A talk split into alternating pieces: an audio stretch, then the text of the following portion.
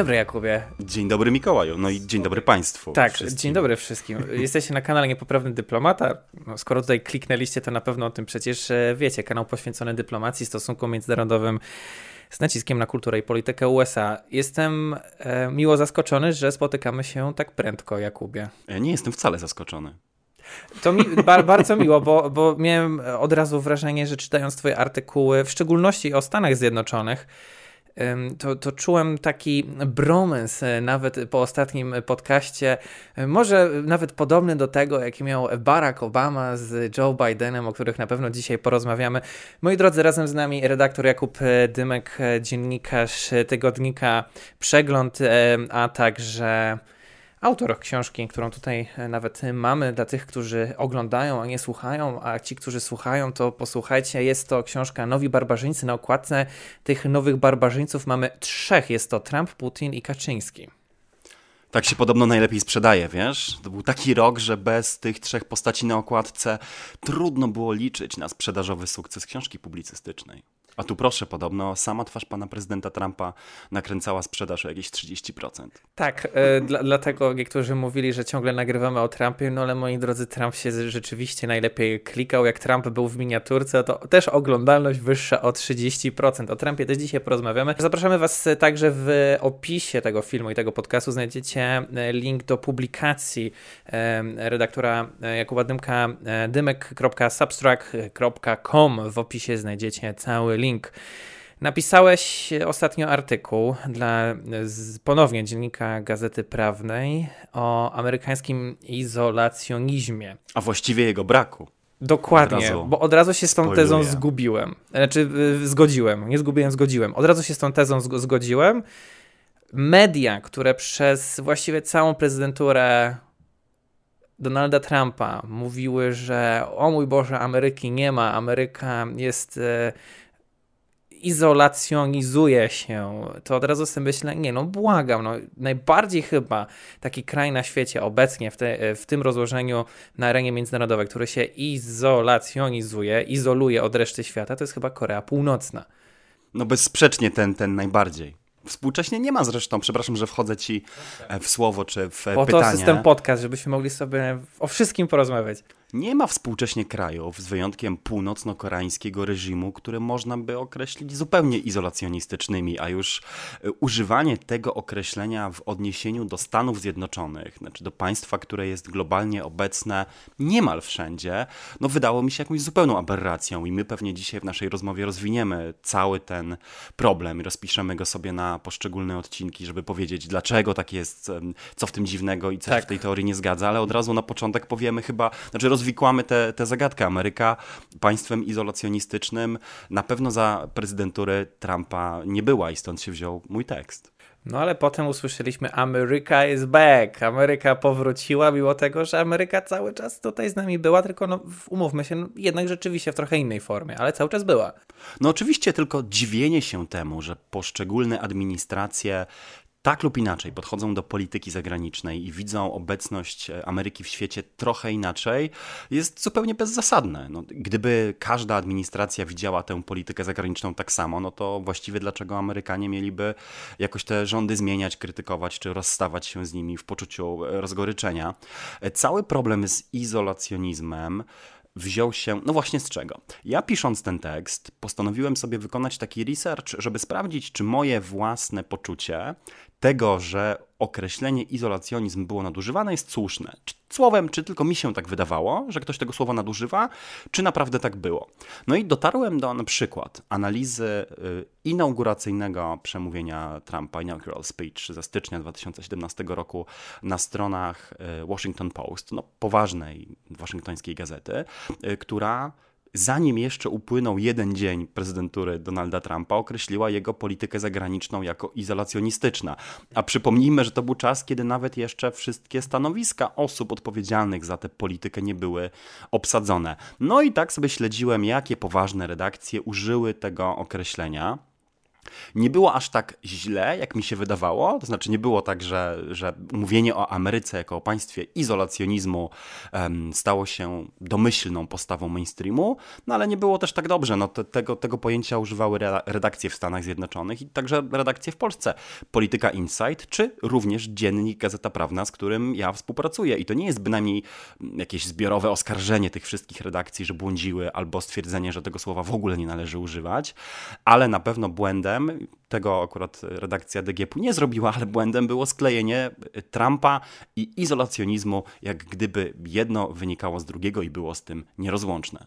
O ile nie mam nic przeciwko pewnym zabiegom stylistycznym i nadinterpretacją używanym już po jakimś czasie oceny administracji, to o ile pójdę krok dalej i nawet powiem, że miałem wrażenie, że to nie tylko redakcje mówiły pierwszego dnia prezydentury, Trump jeszcze ledwo dobił Białego Domu właściwie wszedł i objął stanowisko, już nazywano go e, prezydentem, który izoluje Amerykę od świata, to powiedziałbym, że miałem wrażenie, że niektóre media nawet mówiły, ba, to jest najgorszy prezydent w historii Stanów Zjednoczonych, mimo tego, że prezydentem jeszcze właściwie nie został się wykazać, nie, miał szansy się wykazać.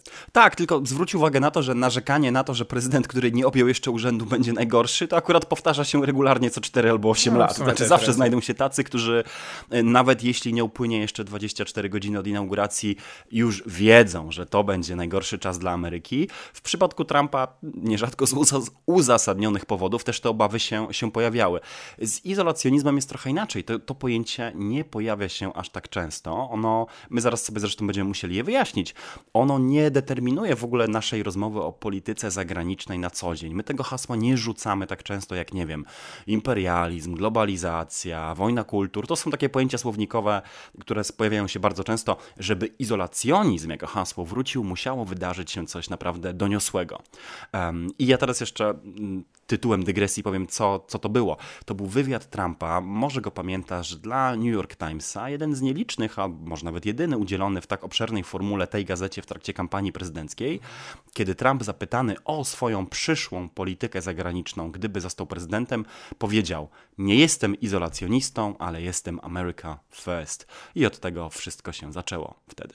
No tak, można tak to interpretować. Ameryka First, albo jak się śmieje e, ogólnie jako mem, Polska dla Polaków, Ziemia dla ziemniaków, Ameryka dla Ameryki, to tego typu hasła oczywiście były e, wcześniej, bo izolacjonizm, i może tutaj zanim przejdziemy do tych ostatnich, chyba najważniejszych lat i miesięcy też e, obecnej administracji, obecnych e, działań na arenie międzynarodowej i w roszadach w geopolityce, e, to warto przypomnieć ten rys historyczny, jak Ameryka w ogóle podchodziła od samego początku, od ojców założycieli do właśnie relacji z innymi krajami. Powstaje nowy kraj federalne, e, Stany Zjednoczone, które były pierwszą kolonialną rewolucją. Potem mieliśmy oczywiście e, te kolonie, które upadały jedna po, po drugiej przez e, wiele, wiele, nawet set lat czego konsekwencje oczywiście do dzisiaj cały czas e, odczuwamy w różnych miejscach e, świata, między innymi także z, z napływem imigrantów w niektórych miejscach e, Europy, bo przecież do dzisiaj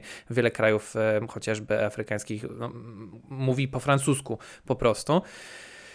No i mamy Jerzego Waszyngtona, który w swojej mowie końcowej też po drugiej kadencji mówił właśnie o tym, że my nie chcemy się wtrącać za bardzo.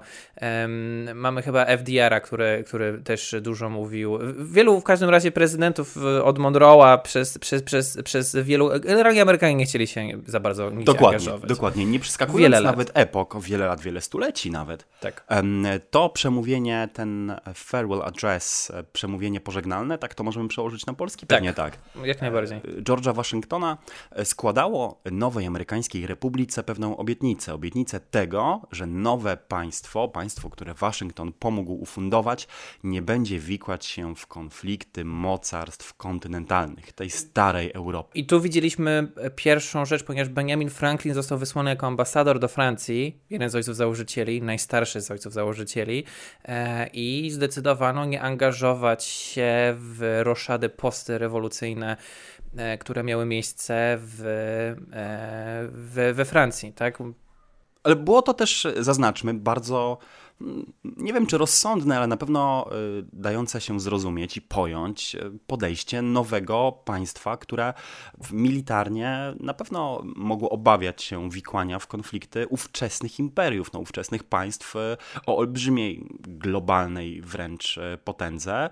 No i było to też rozsądne założenie społeczeństwa, które było przede wszystkim zajęte no, zorganizowaniem sobie w najprostszy możliwy kolonii. sposób swoich własnych spraw wewnętrznych. Potem dopiero były walki przecież o Nowy Orlean za prezydenta Jacksona. Były przecież Brytyjczycy cały czas się e, gdzieś tam od góry, od dołu próbowali dotrzeć. Wojny przecież z Hiszpanami o Teksas. No, mieli swoich kilka jednak potyczek, które musieli Amerykanie zgarnąć, aż do właściwie II wojny światowej, gdzie sam e, FDR chciał, ale nie mógł, nie miał pretekstu, aby Ameryka dołączyła się do e, konfliktu drugowojennego, aż do momentu 7 grudnia 1941 roku Pearl Harbor oraz jego ogłoszenia oficjalnej wojny z nazistowskimi Niemcami, z Hitlerem w, przed kongresem 11 grudnia e, tego samego roku. Tak, i ja tylko zanim e, przejdziemy do współczesności, skończę ten, ten wątek jeszcze o Ameryce czasów e, rewolucyjnych, znaczy Ameryce czasów ojców założycieli, e, bo powiedziałeś o jednym kluczowym prezydencie, czy o jednej kluczowej figurze tamtych lat, czyli o Waszyngtonie, a jego słowa skonkretyzowały się w takiej doktrynie, którą zostawił potomnym Jefferson, czyli relacje handlowe ze wszystkimi, wiążące sojusze z nikim. I to motto, które on wypowiedział, przyjęło się uważać za taką no, najkrótszą, najprostszą maksymę amerykańskiego izolacjonizmu czy polityki niewikłania się w cudze konflikty. Chociaż najczęściej chyba nawet w polskich szkołach, bo ja przynajmniej z liceum pamiętam, to słynna doktryna Monroe 1823 rok w którą w tym momencie chciałbym nie wchodzić, powiem ci dlaczego, bo wokół niej toczy się e, akademicka debata, czy ona Amerykę od świata oddaliła, czy... Czy w ogóle Monroe był jej pomysłodawcą. Tak, to, to tak, tak, co możemy się nie wikłać,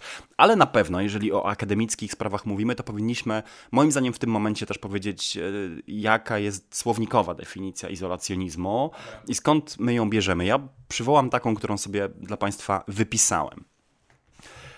Izolacjonizm to doktryna mówiąca, że nie należy rozciągać swojego strategicznego zaangażowania ponad granice ojczyzny.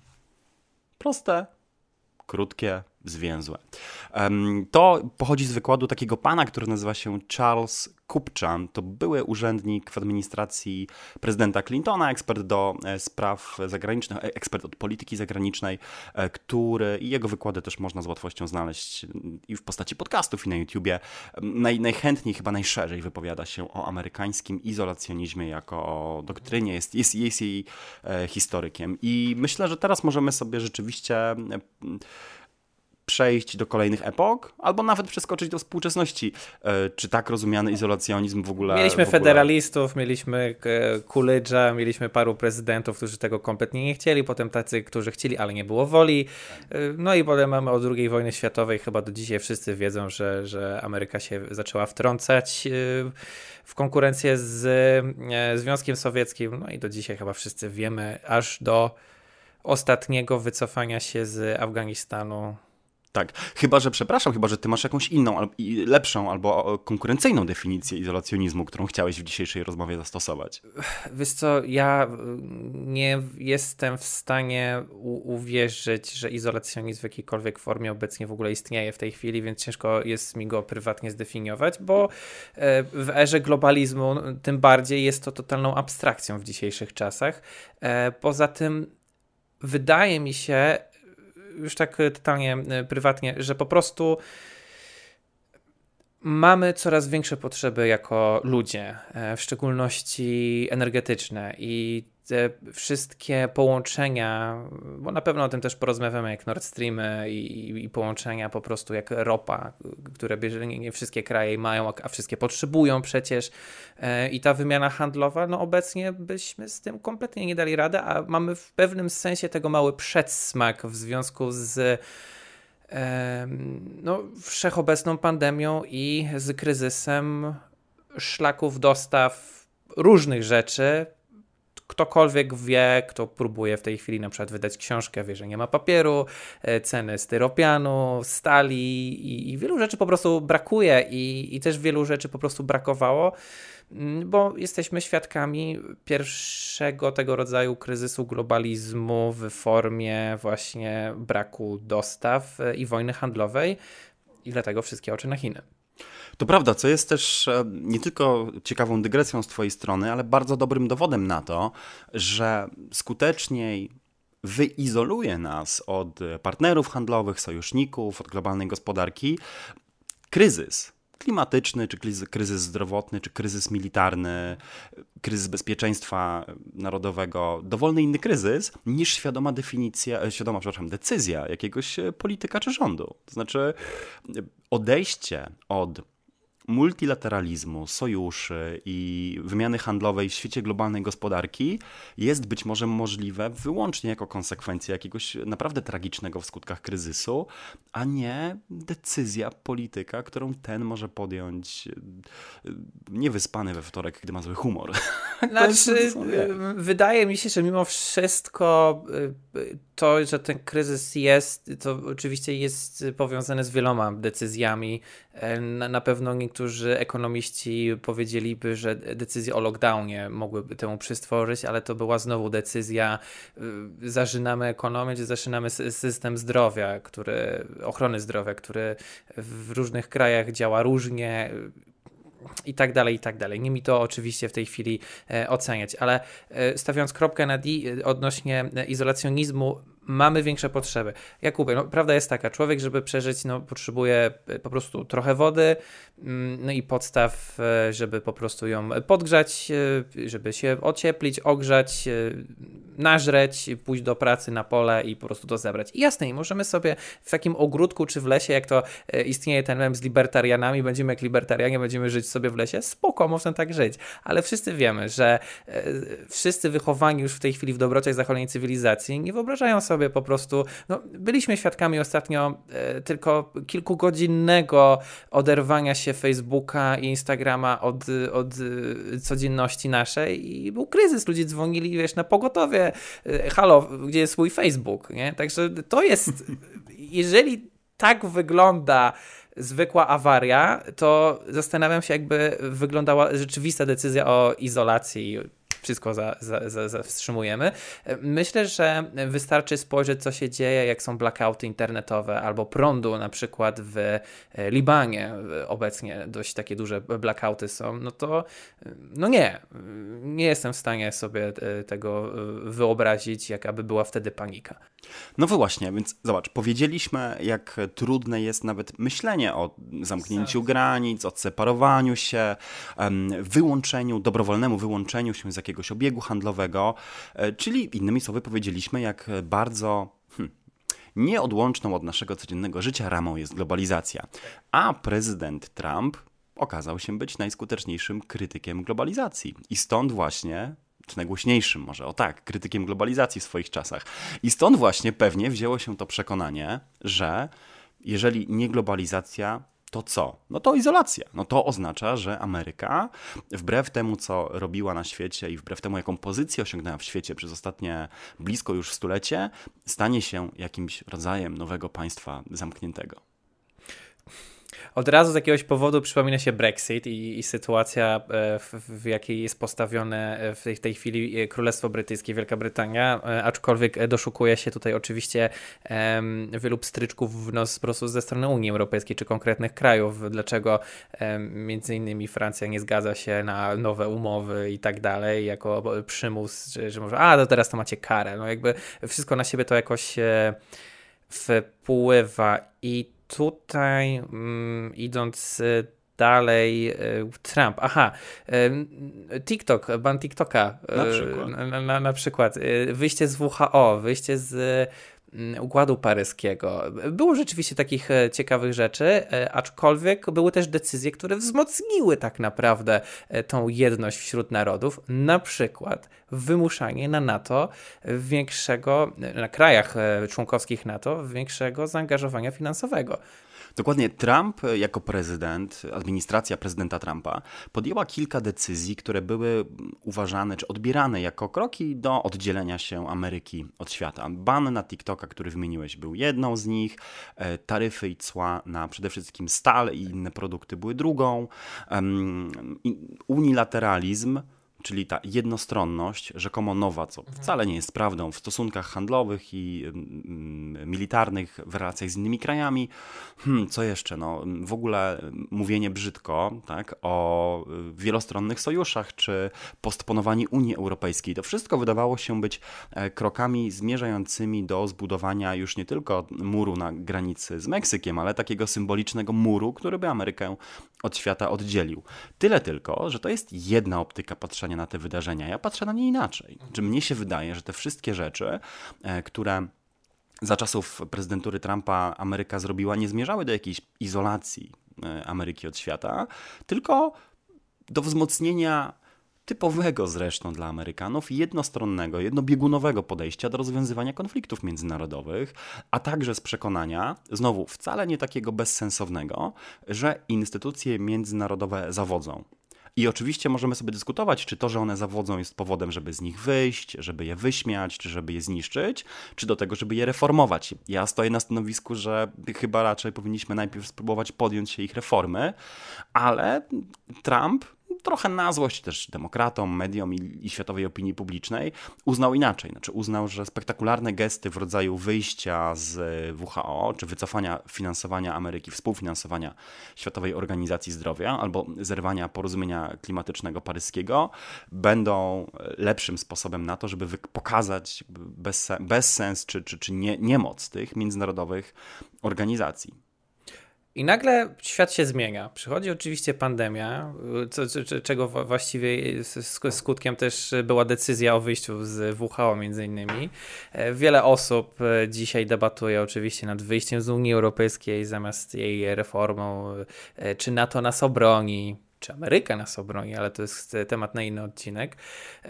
I właśnie tego podważania tych organizacji międzynarodowych. Ja sam to widzę po naszych widzach i świetnie to rozumiem, bo e, prawo międzynarodowe jest e, w pewnym sensie abstrakcyjne i rozumiem, są jakieś sądy, czemu sąd z innego kraju, jakiś międzynarodowy ma tutaj nam mówić co i jak.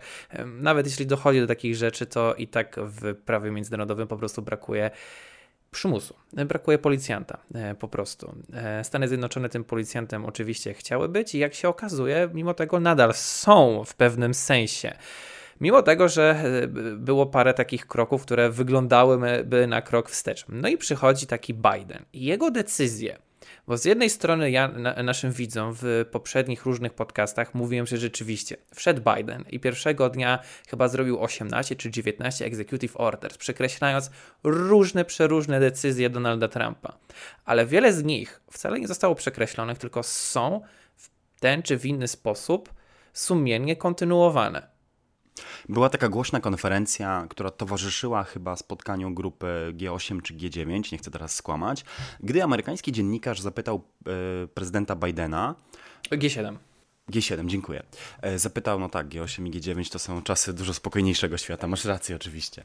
Konferencja grupy G7, gdy dziennikarz amerykański zapytał prezydenta Bidena o to, wprost, dlaczego, jeżeli jest pan takim wielkim przeciwnikiem Trumpa i tak bardzo odcina się pan od dziedzictwa swojego poprzednika, taryfy na e, a stal i aluminium dalej obowiązują? Dlaczego obowiązują te cła? I prezydent Biden, mówiąc wprost, stracił wtedy cierpliwość. On się zezłościł i powiedział: Człowieku, dajże mi spokój.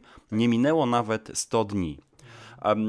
To, czy złość Bidena była wówczas uzasadniona, czy była oznaką jego słabości, możemy sobie spokojnie odłożyć na, na inną rozmowę, ale istotne było clue tego pytania. No właśnie, dlaczego administracja, która powszechnie obiecywała wszystkim, że odwróci właściwie każdy kierunek i wektor polityki zagranicznej poprzedniej ekipy, Wcale tego nie robi. I tutaj, jak często bywa przy podobnych okazjach, no, diabeł tkwi w szczegółach. I to, co jest napisane drobnym druczkiem, yy, zaraz powiem, co tym drobnym druczkiem jest, okazuje się być ciekawsze niż te wielkie kampanijne obietnice, które składa się e, przy świetle kamer. Był taki wywiad Antonego J. Blinkena, e, dzisiejszego szefa amerykańskiej dyplomacji, wtedy jeszcze doradcy Bidena kandydata, w którym on był mocno maglowany, że użyje tego słowa na temat polityki zagranicznej Trumpa. I przez większą część tego wywiadu on opowiadał, że oczywiście właściwie to prawie nic mu się nie podoba w polityce Amery- zagranicznej Trumpa, że należy zerwać ze zdecydowaną większością rzeczy, które on robił, ale im dłużej ten wywiad trwał, tym tak naprawdę więcej koncesji na rzecz polityki zagranicznej Trumpa Blinken robił i mówił, że no jednak te porozumienia abrahamowe z Izraelem to dobry pomysł. Jednak w ogóle relacje z Izraelem to, to był słuszny pomysł. Jednak utrzymanie żołnierzy w Afganistanie, trzeba było ich trzymać. Dobrze, że Trump ich nie wycofał do końca. I tak dalej, i tak dalej. I nagle Antony J. Blinken, który miał się stać taką zupełną e, anatemą, tak? jakby przeciwieństwem kompletnym tego, co robił Trump, w bardzo rzeczowym wywiadzie opowiada, że ile, ileś z tych rzeczy naprawdę warto kontynuować, a wśród nich przede wszystkim twardą linię wobec e, Chińskiej Republiki Ludowej. To jest przecież front, na którym pomimo wszystkich różnic, olbrzymich konfliktów i amerykańskich polaryzacji między republikanami a demokratami panuje ciągłość. I teraz stawiam tu kropkę jak nazwać takie państwo, które otwiera tak naprawdę nową globalną oś konfliktu i zaczyna kolejną dekadę od jasnego zdefiniowania pewnego konfliktu, na szczęście nie militarnego, ale konfliktu mocarstw, izolacjonistycznym. Nie można. I to jest puenta także tego tekstu, od którego dzisiaj wyszliśmy. Jeżeli Ameryka dzisiaj mówi, że rywalizacja z Chińską Republiką Ludową będzie definiującym konfliktem naszego y, pokolenia, a na pewno tej dekady, to z izolacjonizmem, czy za Trumpa, czy za Bidena, naprawdę wiele wspólnego to moim zdaniem nie ma.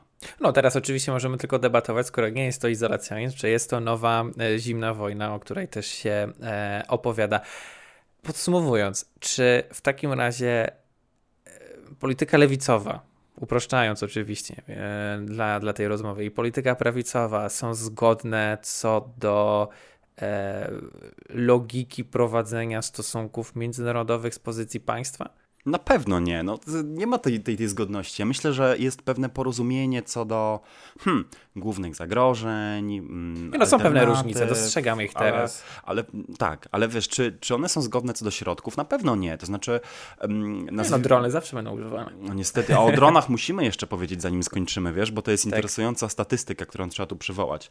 Um, nie, myślę, że tej zgodności co do środków y, nigdy nie będzie. Czy to między lewicą i prawicą znaczy, w Polsce, ja już czy, widzę czy, pewne czy różnice. Liberałami i republikanami w Stanach Zjednoczonych. Podejście do Iranu e, to była pierwsza różnica, którą zresztą e, Trump mocno e, orał Hillary Clinton za, za deal z Iranem. Pamiętam, bo na protestach też wielu mówiono właśnie o tym, że Ameryka kup, kup, daje pieniądze, czy kupuje, przekupuje sobie Iran. No, druga sprawa to na pewno podejście do ekologii to bez dwóch zdań, no, jak wyjście z Paryża, powrót do Paryża, to, to, to, to była bardzo szybka decyzja y, Bidena o powrocie. Hmm, co jeszcze? No, y, produkcja, nie? Hmm, aczkolwiek, y, hach, bo e, oczywiście tutaj e, Biden poleciał w bank w, obiecach, w obietnicach wyborczych w pasie rdzy i także oczywiście głównie e, tutaj patrząc na Pensylwanię, czyli właśnie to, że American Made musi być, e, czyli w pewnym sensie te założenia, przynajmniej niektóre e, tego America First są istotne, bo jak zobaczyliśmy, gdy przyszedł kryzys pandemiczny, tak jak w swoim tekście zresztą napisałeś, nie było maseczek, nie było strojów ochronnych, nie było wielu leków, w ogóle wielu rzeczy nie było. I Biden, mimo tego, że z Trumpem dużo wspólnego nie ma, to tutaj rzeczywiście też się zgadzał, że musimy u siebie robić pewne rzeczy. I jak są już te roszady, ostatnio wyszedł zresztą przy okazji Pandora Papers, na pewno, tak? Od puszki Pandory, na pewno o tym słyszałeś, że e, Amerykanie uciekanie od podatkowania i tak dalej i, ogólnie tezę, którą e, u siebie w redakcji postawiliśmy była taka, że Amerykanie nie muszą przynajmniej za granicę uciekać. Sam Elon Musk e, z swoją firmą Tesla po prostu przeniósł ją do Teksasu z Kalifornii, co już był corporate tax albo niski, albo w ogóle żaden i chyba też podatek e, dochodowy, którego w Teksasie nie ma.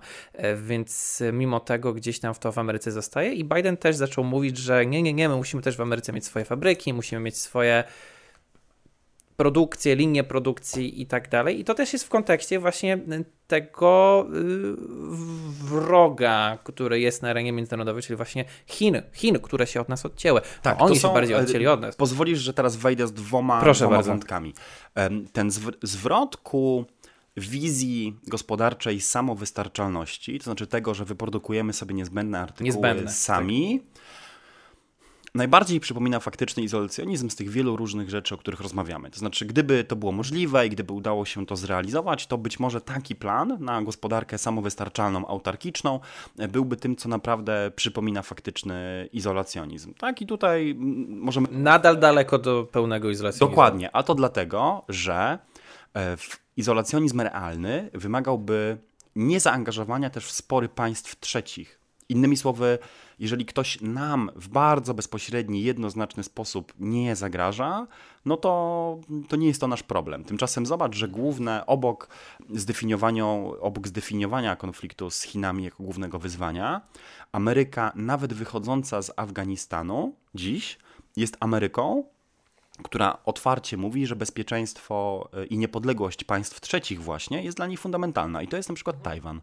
Dzisiaj rano nawet zacząłem prasówkę od czytania artykułu e, poświęconemu koncepcji uczynieniu, uczynienia z Tajwanu jeżozwierza. Otóż małego państwa tak najeżonego e, bronią do obrony przeciwrakietowej i e, bronią w ogóle pozwalającą na uzyskanie przewagi na basenie morza, pomóż mi, ono się nazywa południowochińskie, południowochińskie po tak. polsku, tak by zabezpieczyć interesy Ameryki. No to jest na przykład świetna, świetna ilustracja tego, że nawet państwo, które... Jest to też w ogóle dobry sojusznik, tak ogólnie mówiąc o Tajwanie, bo z Tajwanem też e, nie trzeba daleko szukać. Mieliśmy bardzo ciekawe i pozytywne e, relacje dyplomatyczne, ponieważ e, nie wiem, czy dostrzegli nasi e, widzowie kiedyś e, maseczki były rozdawane przecież na pierwszym fali pandemii. Sam taką um, miałem e, z napisem właśnie Made in Taiwan.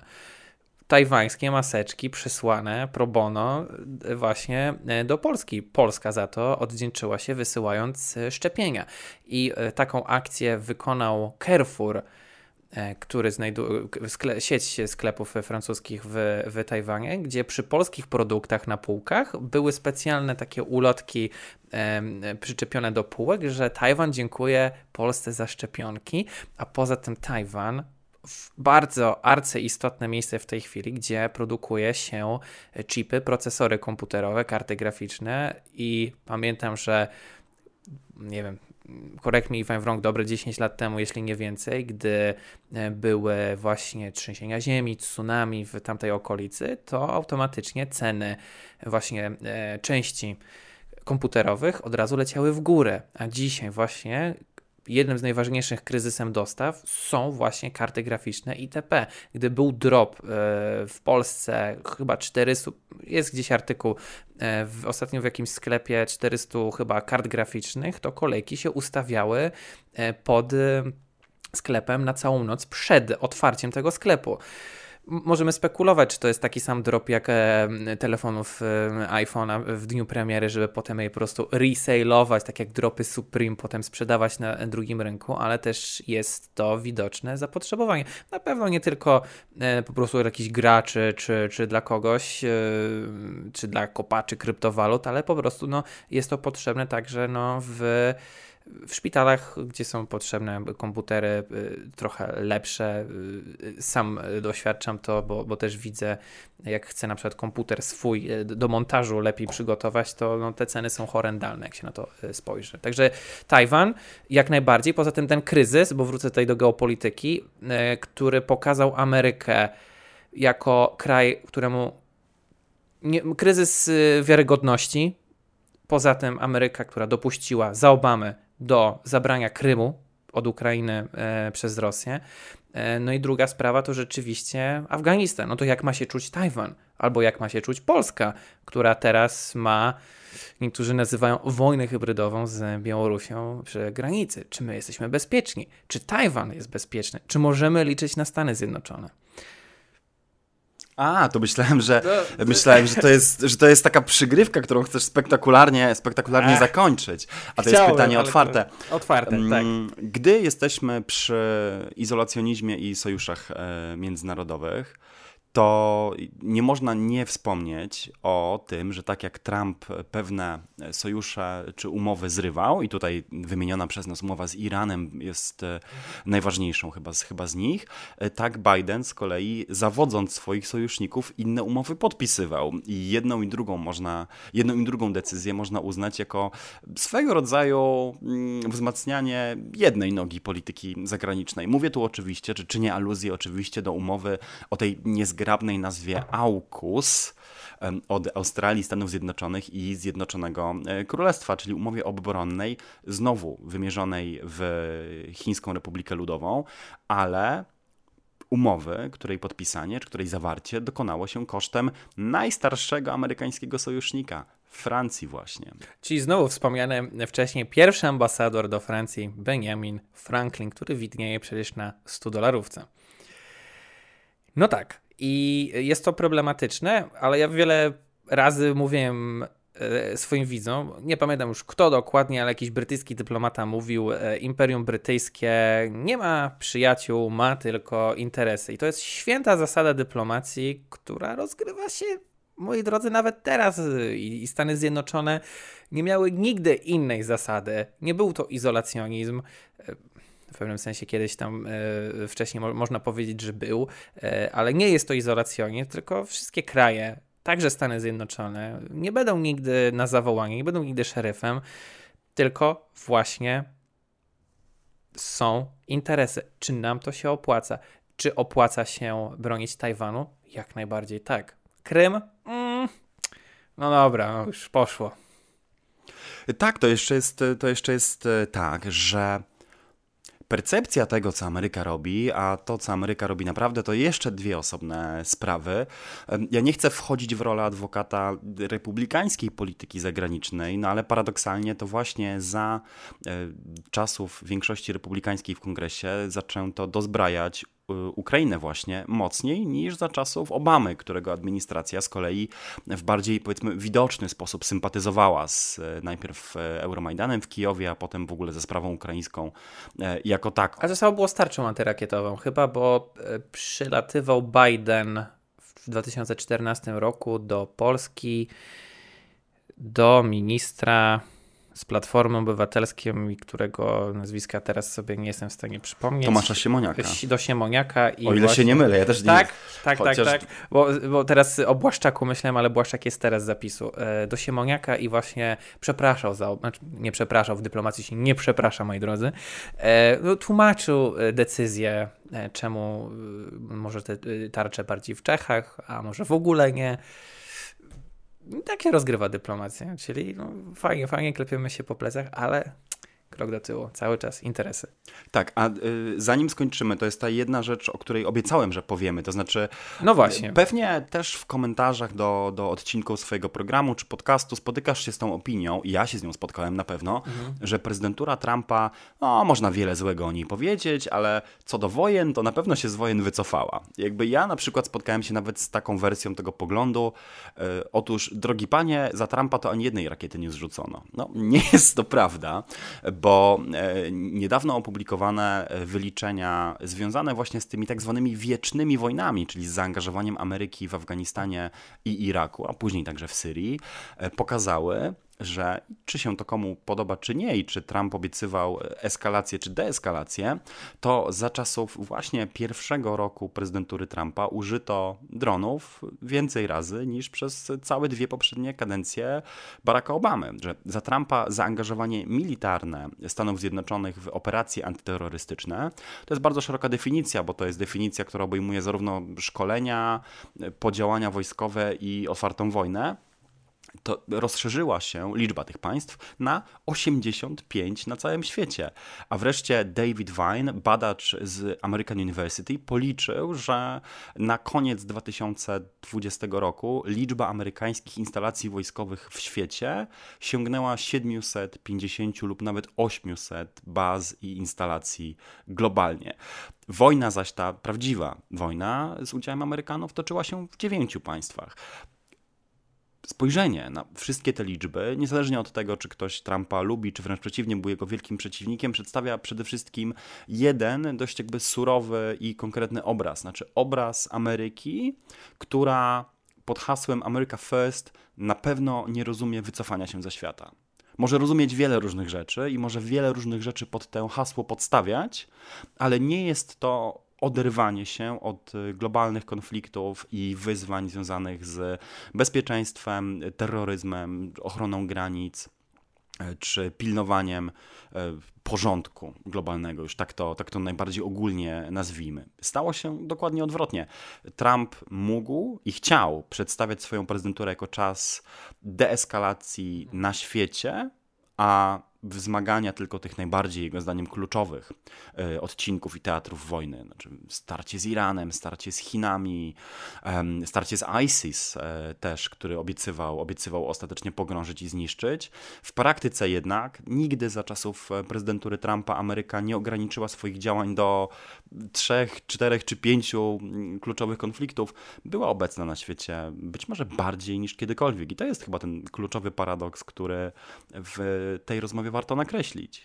Rzeczywiście to jest paradoks. Wydaje mi się, że może, może nie musi mieć to parę powodów. Przede wszystkim pierwsze dramy Obamy, gdy jeszcze CIA miało dostęp do dronów, e, a nie Departament e, Obrony Narodowej, e, gdy po prostu wyciekły też Wikileaks i tak dalej. Rozmawialiśmy o tym zresztą w poprzednim podcastie, który Wam, moi drodzy, polecamy, czyli właśnie to, jak mówiono, że Obama zabija dzieci co za Trumpa, dlatego może te statystyki tak e, nie było jak widać, bo nie było takich właśnie dram, nie było takich lików, to raz, a dwa, nie było takich właśnie bad press e, przeciwko temu, e, bo jednak ta sytuacja zdronowa już była mniej więcej ogarnięta.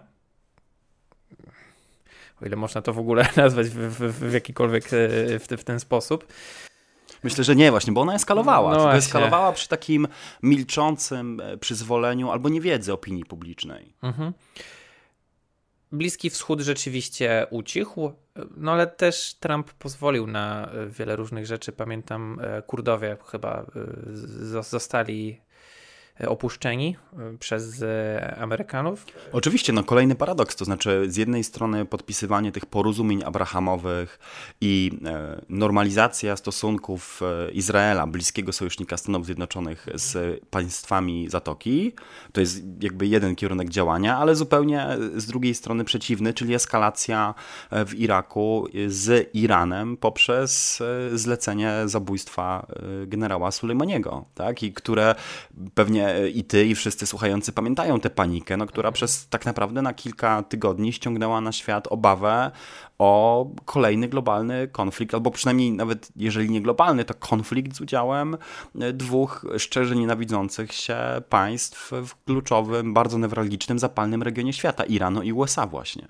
Ja nadal też pamiętam e, entuzjazm e, tej e, republikańsko-prawej strony mimo wszystko, bo E, szczególnie gdy była teraz e, kampania prezydencka z Bidenem, e, mówiono, że Biden nie jest tego typu człowiekiem, który, który co, co, co do końca chyba też się okazało w pewnym sensie fake newsem, że, że był przeciwko akcji militarnej w Pakistanie dotyczącej Osama Bin Ladena, ale to nie mi oceniać, bo Bidena trzeba też. E, no właśnie, bo tutaj też była decyzja tej, a propos izolacjonizmu, e, powrotu z Afganistanu, co jest chyba arcyciekawe, bo nie wiem na ile śledziłeś tą sytuację, bo było też w kongresie przesłuchanie generała Miliego i e, Lloyda Austina, szefa Departamentu Obrony Narodowej Stanów Zjednoczonych e, i którzy, jak okazało się, mówili wszystkim, że ej, ale zostawmy trochę tego wojska jednak na miejscu.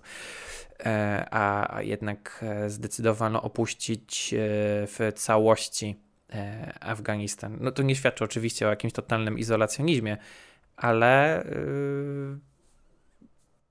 nie, jest to w pewnym to... sensie kontynuacja też gdzieś tam Trumpa, bo, bo, bo tak. jedni powiedzą, że no to Trump dogadał się, żeby wyjść. No i dogadał się nie byle z kim, bo z talibami. E, tak, no, proces negocjacyjny w Dosze e, został rzeczywiście zainicjowany za czasów administracji Trumpa i moim zdaniem uczciwie jest wszelkie sukcesy i porażki tego, tego procesu także z Trumpem wiązać. To znaczy, gdyby wycofanie się z Afganistanu przebiegło radykalnie inaczej, innymi słowy, gdyby obyło się bez tych krwawych, bulwersujących i łamiących także serce scen z Kabulu i lotniska kabulskiego, to Trumpowi należałoby jego administracji i negocjatorom oddać pewną zasługę. Ale w związku z tym, że nie przebiegło zgodnie z oczekiwaniami, także i poprzednią administrację jako pomysłodawców tego rozwiązania należy do odpowiedzialności pociągnąć czy winić za fiasko tego procesu. Biden w tym sensie rzeczywiście wykazał się niezwykłą determinacją, która u mnie zresztą budzi jakiegoś pewnego rodzaju uznanie. Nie użyję słowa podziw, ale tak, uznanie. Tak, on mówił, jakkolwiek mi ocenicie, ktoś musiał to zrobić. Tak.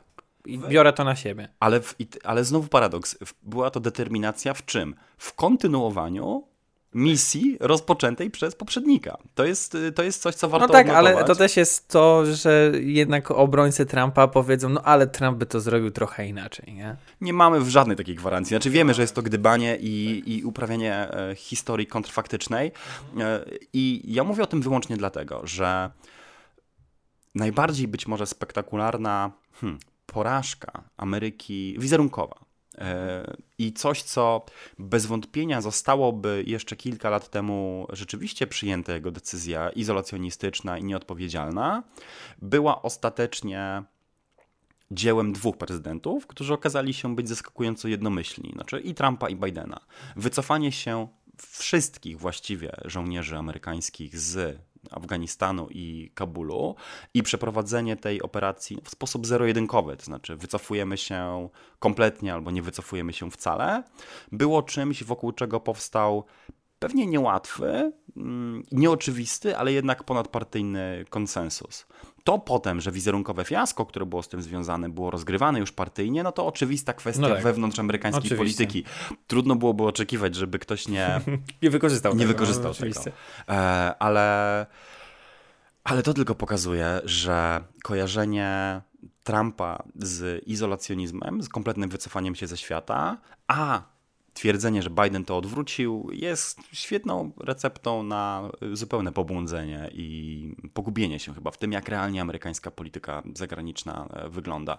Moim zdaniem intencją żadnego z nich nie było wycofanie się ze świata, zaś intencją obydwu z nich było wzmocnienie amerykańskiej pozycji i Trump pewnie chciał to robić w sposób bardziej jednostronny, egoistyczny i oparty też na jego osobistej charyzmie, a przynajmniej on tak to widział.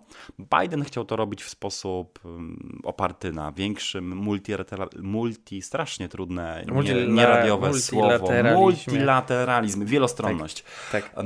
Biden chciał to robić w oparciu o instytucje międzynarodowe, y, bardziej tradycyjne kanały dyplomatyczne i wsparcie sojuszników i ostatecznie też nie robi tego wcale w ten sposób, tylko no nierzadko za plecami swoich sojuszników albo podejmując e, twarde, jednoosobowe decyzje. Słowem, nie ma prostej odpowiedzi i nie ma chyba mm, e, używania aż tak dużych haseł, jak izolacjonizm sensu, żeby opisać politykę tak zawiłą, e, jak dziś jest po prostu amerykańska polityka zagraniczna. Ja też e, wiem, że przeciągam teraz tę, tę jedną wypowiedź i uciekam w kolejne dygresje, ale też kiedyś miałem taką wielką pokusę, żeby, żeby napisać tekst o tym, e, jakim prostym hasłem opisać politykę zagraniczną Bidena. Znaczy, najlepiej żadnym, bo, bo każde proste hasło, czy każda jakaś wizja spójnej, jednolitej doktryny w odniesieniu do Bidena, no będzie, będzie bezzasadna. Bo jak, jak operujesz tak wielkim tworem, jak aparat polityki zagranicznej Stanów Zjednoczonych, to zawsze będziesz skazany na robienie decyzji, które będą na przykład wzajemnie sobie przeczyć, albo będą wysyłać sprzeczne sygnały, albo jedna wcale nie będzie logiczną konsekwencją drugiej. Będziesz zmuszony nierzadko sam sobie zaprzeczyć. I czasy wielkich doktryn, czasy, gdy jakiś polityk mógł e, powiedzieć, że coś będzie robić, konsekwentnie to realizować i jeszcze przy tym narzucić wolę swojej partii i przetrwać do końca jedną albo dwie kadencje wytrwale w jakimś postanowieniu, naprawdę są za nami. Dzisiejsi przywódcy z jakiegoś powodu, czy z jakiegoś, przynajmniej z jakiejś perspektywy, mogą zazdrościć Reaganowi. Tamten to miał, tamten to miał proste zadanie. No, powiedzieć, był że... jeden wróg. Tak, jeden wróg, i, i jeden wiadomo, biegun i, było, wie, było tak. wiadomo. Tak. A dzisiaj, a dzisiaj tak naprawdę prowadzenie amerykańskiej polityki zagranicznej jest sztuką w uczeniu się, w, też w przełykaniu nieuniknionych porażek, o, że tak powiem. Jest ciekawie, jak e, mówi chińska klątwa, abyś żył w ciekawych e, czasach. I na pewno są to ciekawsze rzeczy, czasy w pewnym sensie, to sami ocenicie, czy pozytywnie, czy negatywnie, niż e, poprzednia zimna wojna, gdzie wiadomo, że był zachód i wschód. Były dwa bloki, to naprawdę wystarczyło sobie. Proste. Wystarczyło sobie naprawdę policzyć na palcach jednej dłoni, popatrzeć zero-jedynkowo i odpowiedzieć na pytanie, który z nich wybieramy. Nie, no oczywiście też trochę upraszczamy, ale, ale dzisiejszy. Nie, no wiadomo, ale w, w Dzisiejszy świat y, tak. pod względem pewnie jakichś, jakichś wyborów, których muszą dokonywać przywódcy mhm. i to jeszcze przywódcy rozliczani na nieskończenie więcej sposobów niż ci poprzedni, jest y, nieporównywalnie bardziej, bardziej zawiły. Czy uważasz, że właśnie dlatego media lub dziennikarze się gubią, bo nie pojmują dyplomatycznych decyzji i stosunków o, międzynarodowych? Jest, nie, nie, nie. To jest pytanie, to jest pytanie, o którym moglibyśmy rozmawiać przez kolejną e, Gdzie godzinę. ta eksperckość, nie? W, w analizie tego. E, czy lepiej teraz słuchać ekspertów? E, a jeśli tak, to których? E, czy może właśnie słuchać dziennikarzy i ich analiz, albo po prostu podcastów, takie jak nasze, niezależnych, gdzie sobie mówimy o rzeczach, których w telewizji raczej nie usłyszycie. No wiesz, ja jestem zwolennikiem tego, że tak samo jak tę y, prawdziwą dietę, tak i dietę medialną należy dywersyfikować i na jedzeniu samych cheeseburgerów, chociaż są kuszące, e, nikt daleko nie zajedzie i też nie przebiegnie raczej maratonu, a takiej chyba kondycji wymaga mierzenie się z skomplikowaniem dzisiejszej debaty publicznej. I ja nie namówisz mnie na ustalanie hierarchii, czy lepsze są e, podcasty, czy lepsze są tak zwane tradycyjne media papierowe, bo robię i w jednym, i w drugim, ale chyba dywersyfikowanie sobie tych źródeł informacji jest niezbędne. I, i też zależy od e, czasu, który możesz poświęcić. Wiesz, nic dziwnego, że ludzie e, po, pierwsze po ciężkim dniu pracy wolą coś lżejszego, lekkostrawnego, skoro już nawiązujemy do diety, jednak, albo jakiegoś cheat meala zjeść, niż posłuchać e, wytrawnego kilkudziesięciominutowego czy godzinnego podcastu, który mimo tego, że nie jest aż tak szczegółowy jak lata edukacji na studiach, to mimo tego jest jednak bardziej wymagający niż 10 minut telewizji. Tak, wiesz, ale jest jedna świetna zasada, to znaczy nie biec tam, gdzie biegnie tłum. Czy jeżeli, jeżeli wydaje mhm. nam się, że każda, że wokół każdej nowej sprawy może wytworzyć się natychmiastowy konsensus i że prawda na temat jakiegoś poglądu, wydarzenia czy procesu e, wyłania się natychmiast i, i, i ona wyłania się tam, gdzie biegną wszyscy, no to jest świetna recepta na to jest świetna recepta na to, żeby się, wiesz, żeby się Dla mnie pomylić. to jest e, obecnie bardzo groźne stwierdzenie, bo patrząc na teorie spiskowe i QAnon i tak dalej, to ktoś powie, że wiesz, no, reszta to są e, owieczki i my powinniśmy właśnie uciekać do teorii spiskowych. Rozumiem, dlaczego to twierdzenie może New być... Order i wiesz, to, to można odwrócić w drugą stronę. Rozumiem dlaczego, bardzo... to, rozumiem, dlaczego to twierdzenie może być problematyczne, ale, ale zauważ, że myślenie w kategoriach e, spiskowych często jest tylko lustrzanym odbiciem tego samego myślenia stadnego, tylko po prostu biegnącego w kierunku przeciwnym. E, I E, I ja chyba przed tym bym jakby, wiesz, przestrzegał i nie rozszerzał też oczywiście tej, tej jakby mojej mm, rady, czy tej jakiegoś mojego, mojego spostrzeżenia na cały świat, ale trzymając się akurat stosunków zagranicznych, bo o tym przede wszystkim rozmawiamy, Yy, nigdy nie jest tak, że istnieje jakiś absolutnie spójny, większościowy konsensus, a już na pewno, na pewno nie jest tak, że on powstaje natychmiast. Innymi słowy, dziennikarstwo jakby jest też sztuką wychwytywania prawdy na bieżąco metodą prób i błędów. Brzmi to bardzo ryzykownie, bo sam wykonuję tę pracę, ale, ale trochę, trochę w podsumowywaniu tego, co dzieje się na bieżąco, wszyscy jesteśmy ofiarami własnych ograniczeń poznawczych i prawdopodobnie nigdy ta najprawdziwsza wersja rzeczywistości nie ujawnia się od razu. I tak jak dobry tekst wymaga przepisywania redaktorskich poprawek, e, fact-checkingu i znowu ponownej lektury przez e, redaktora lub redaktorkę, a potem krytycznych czytelników.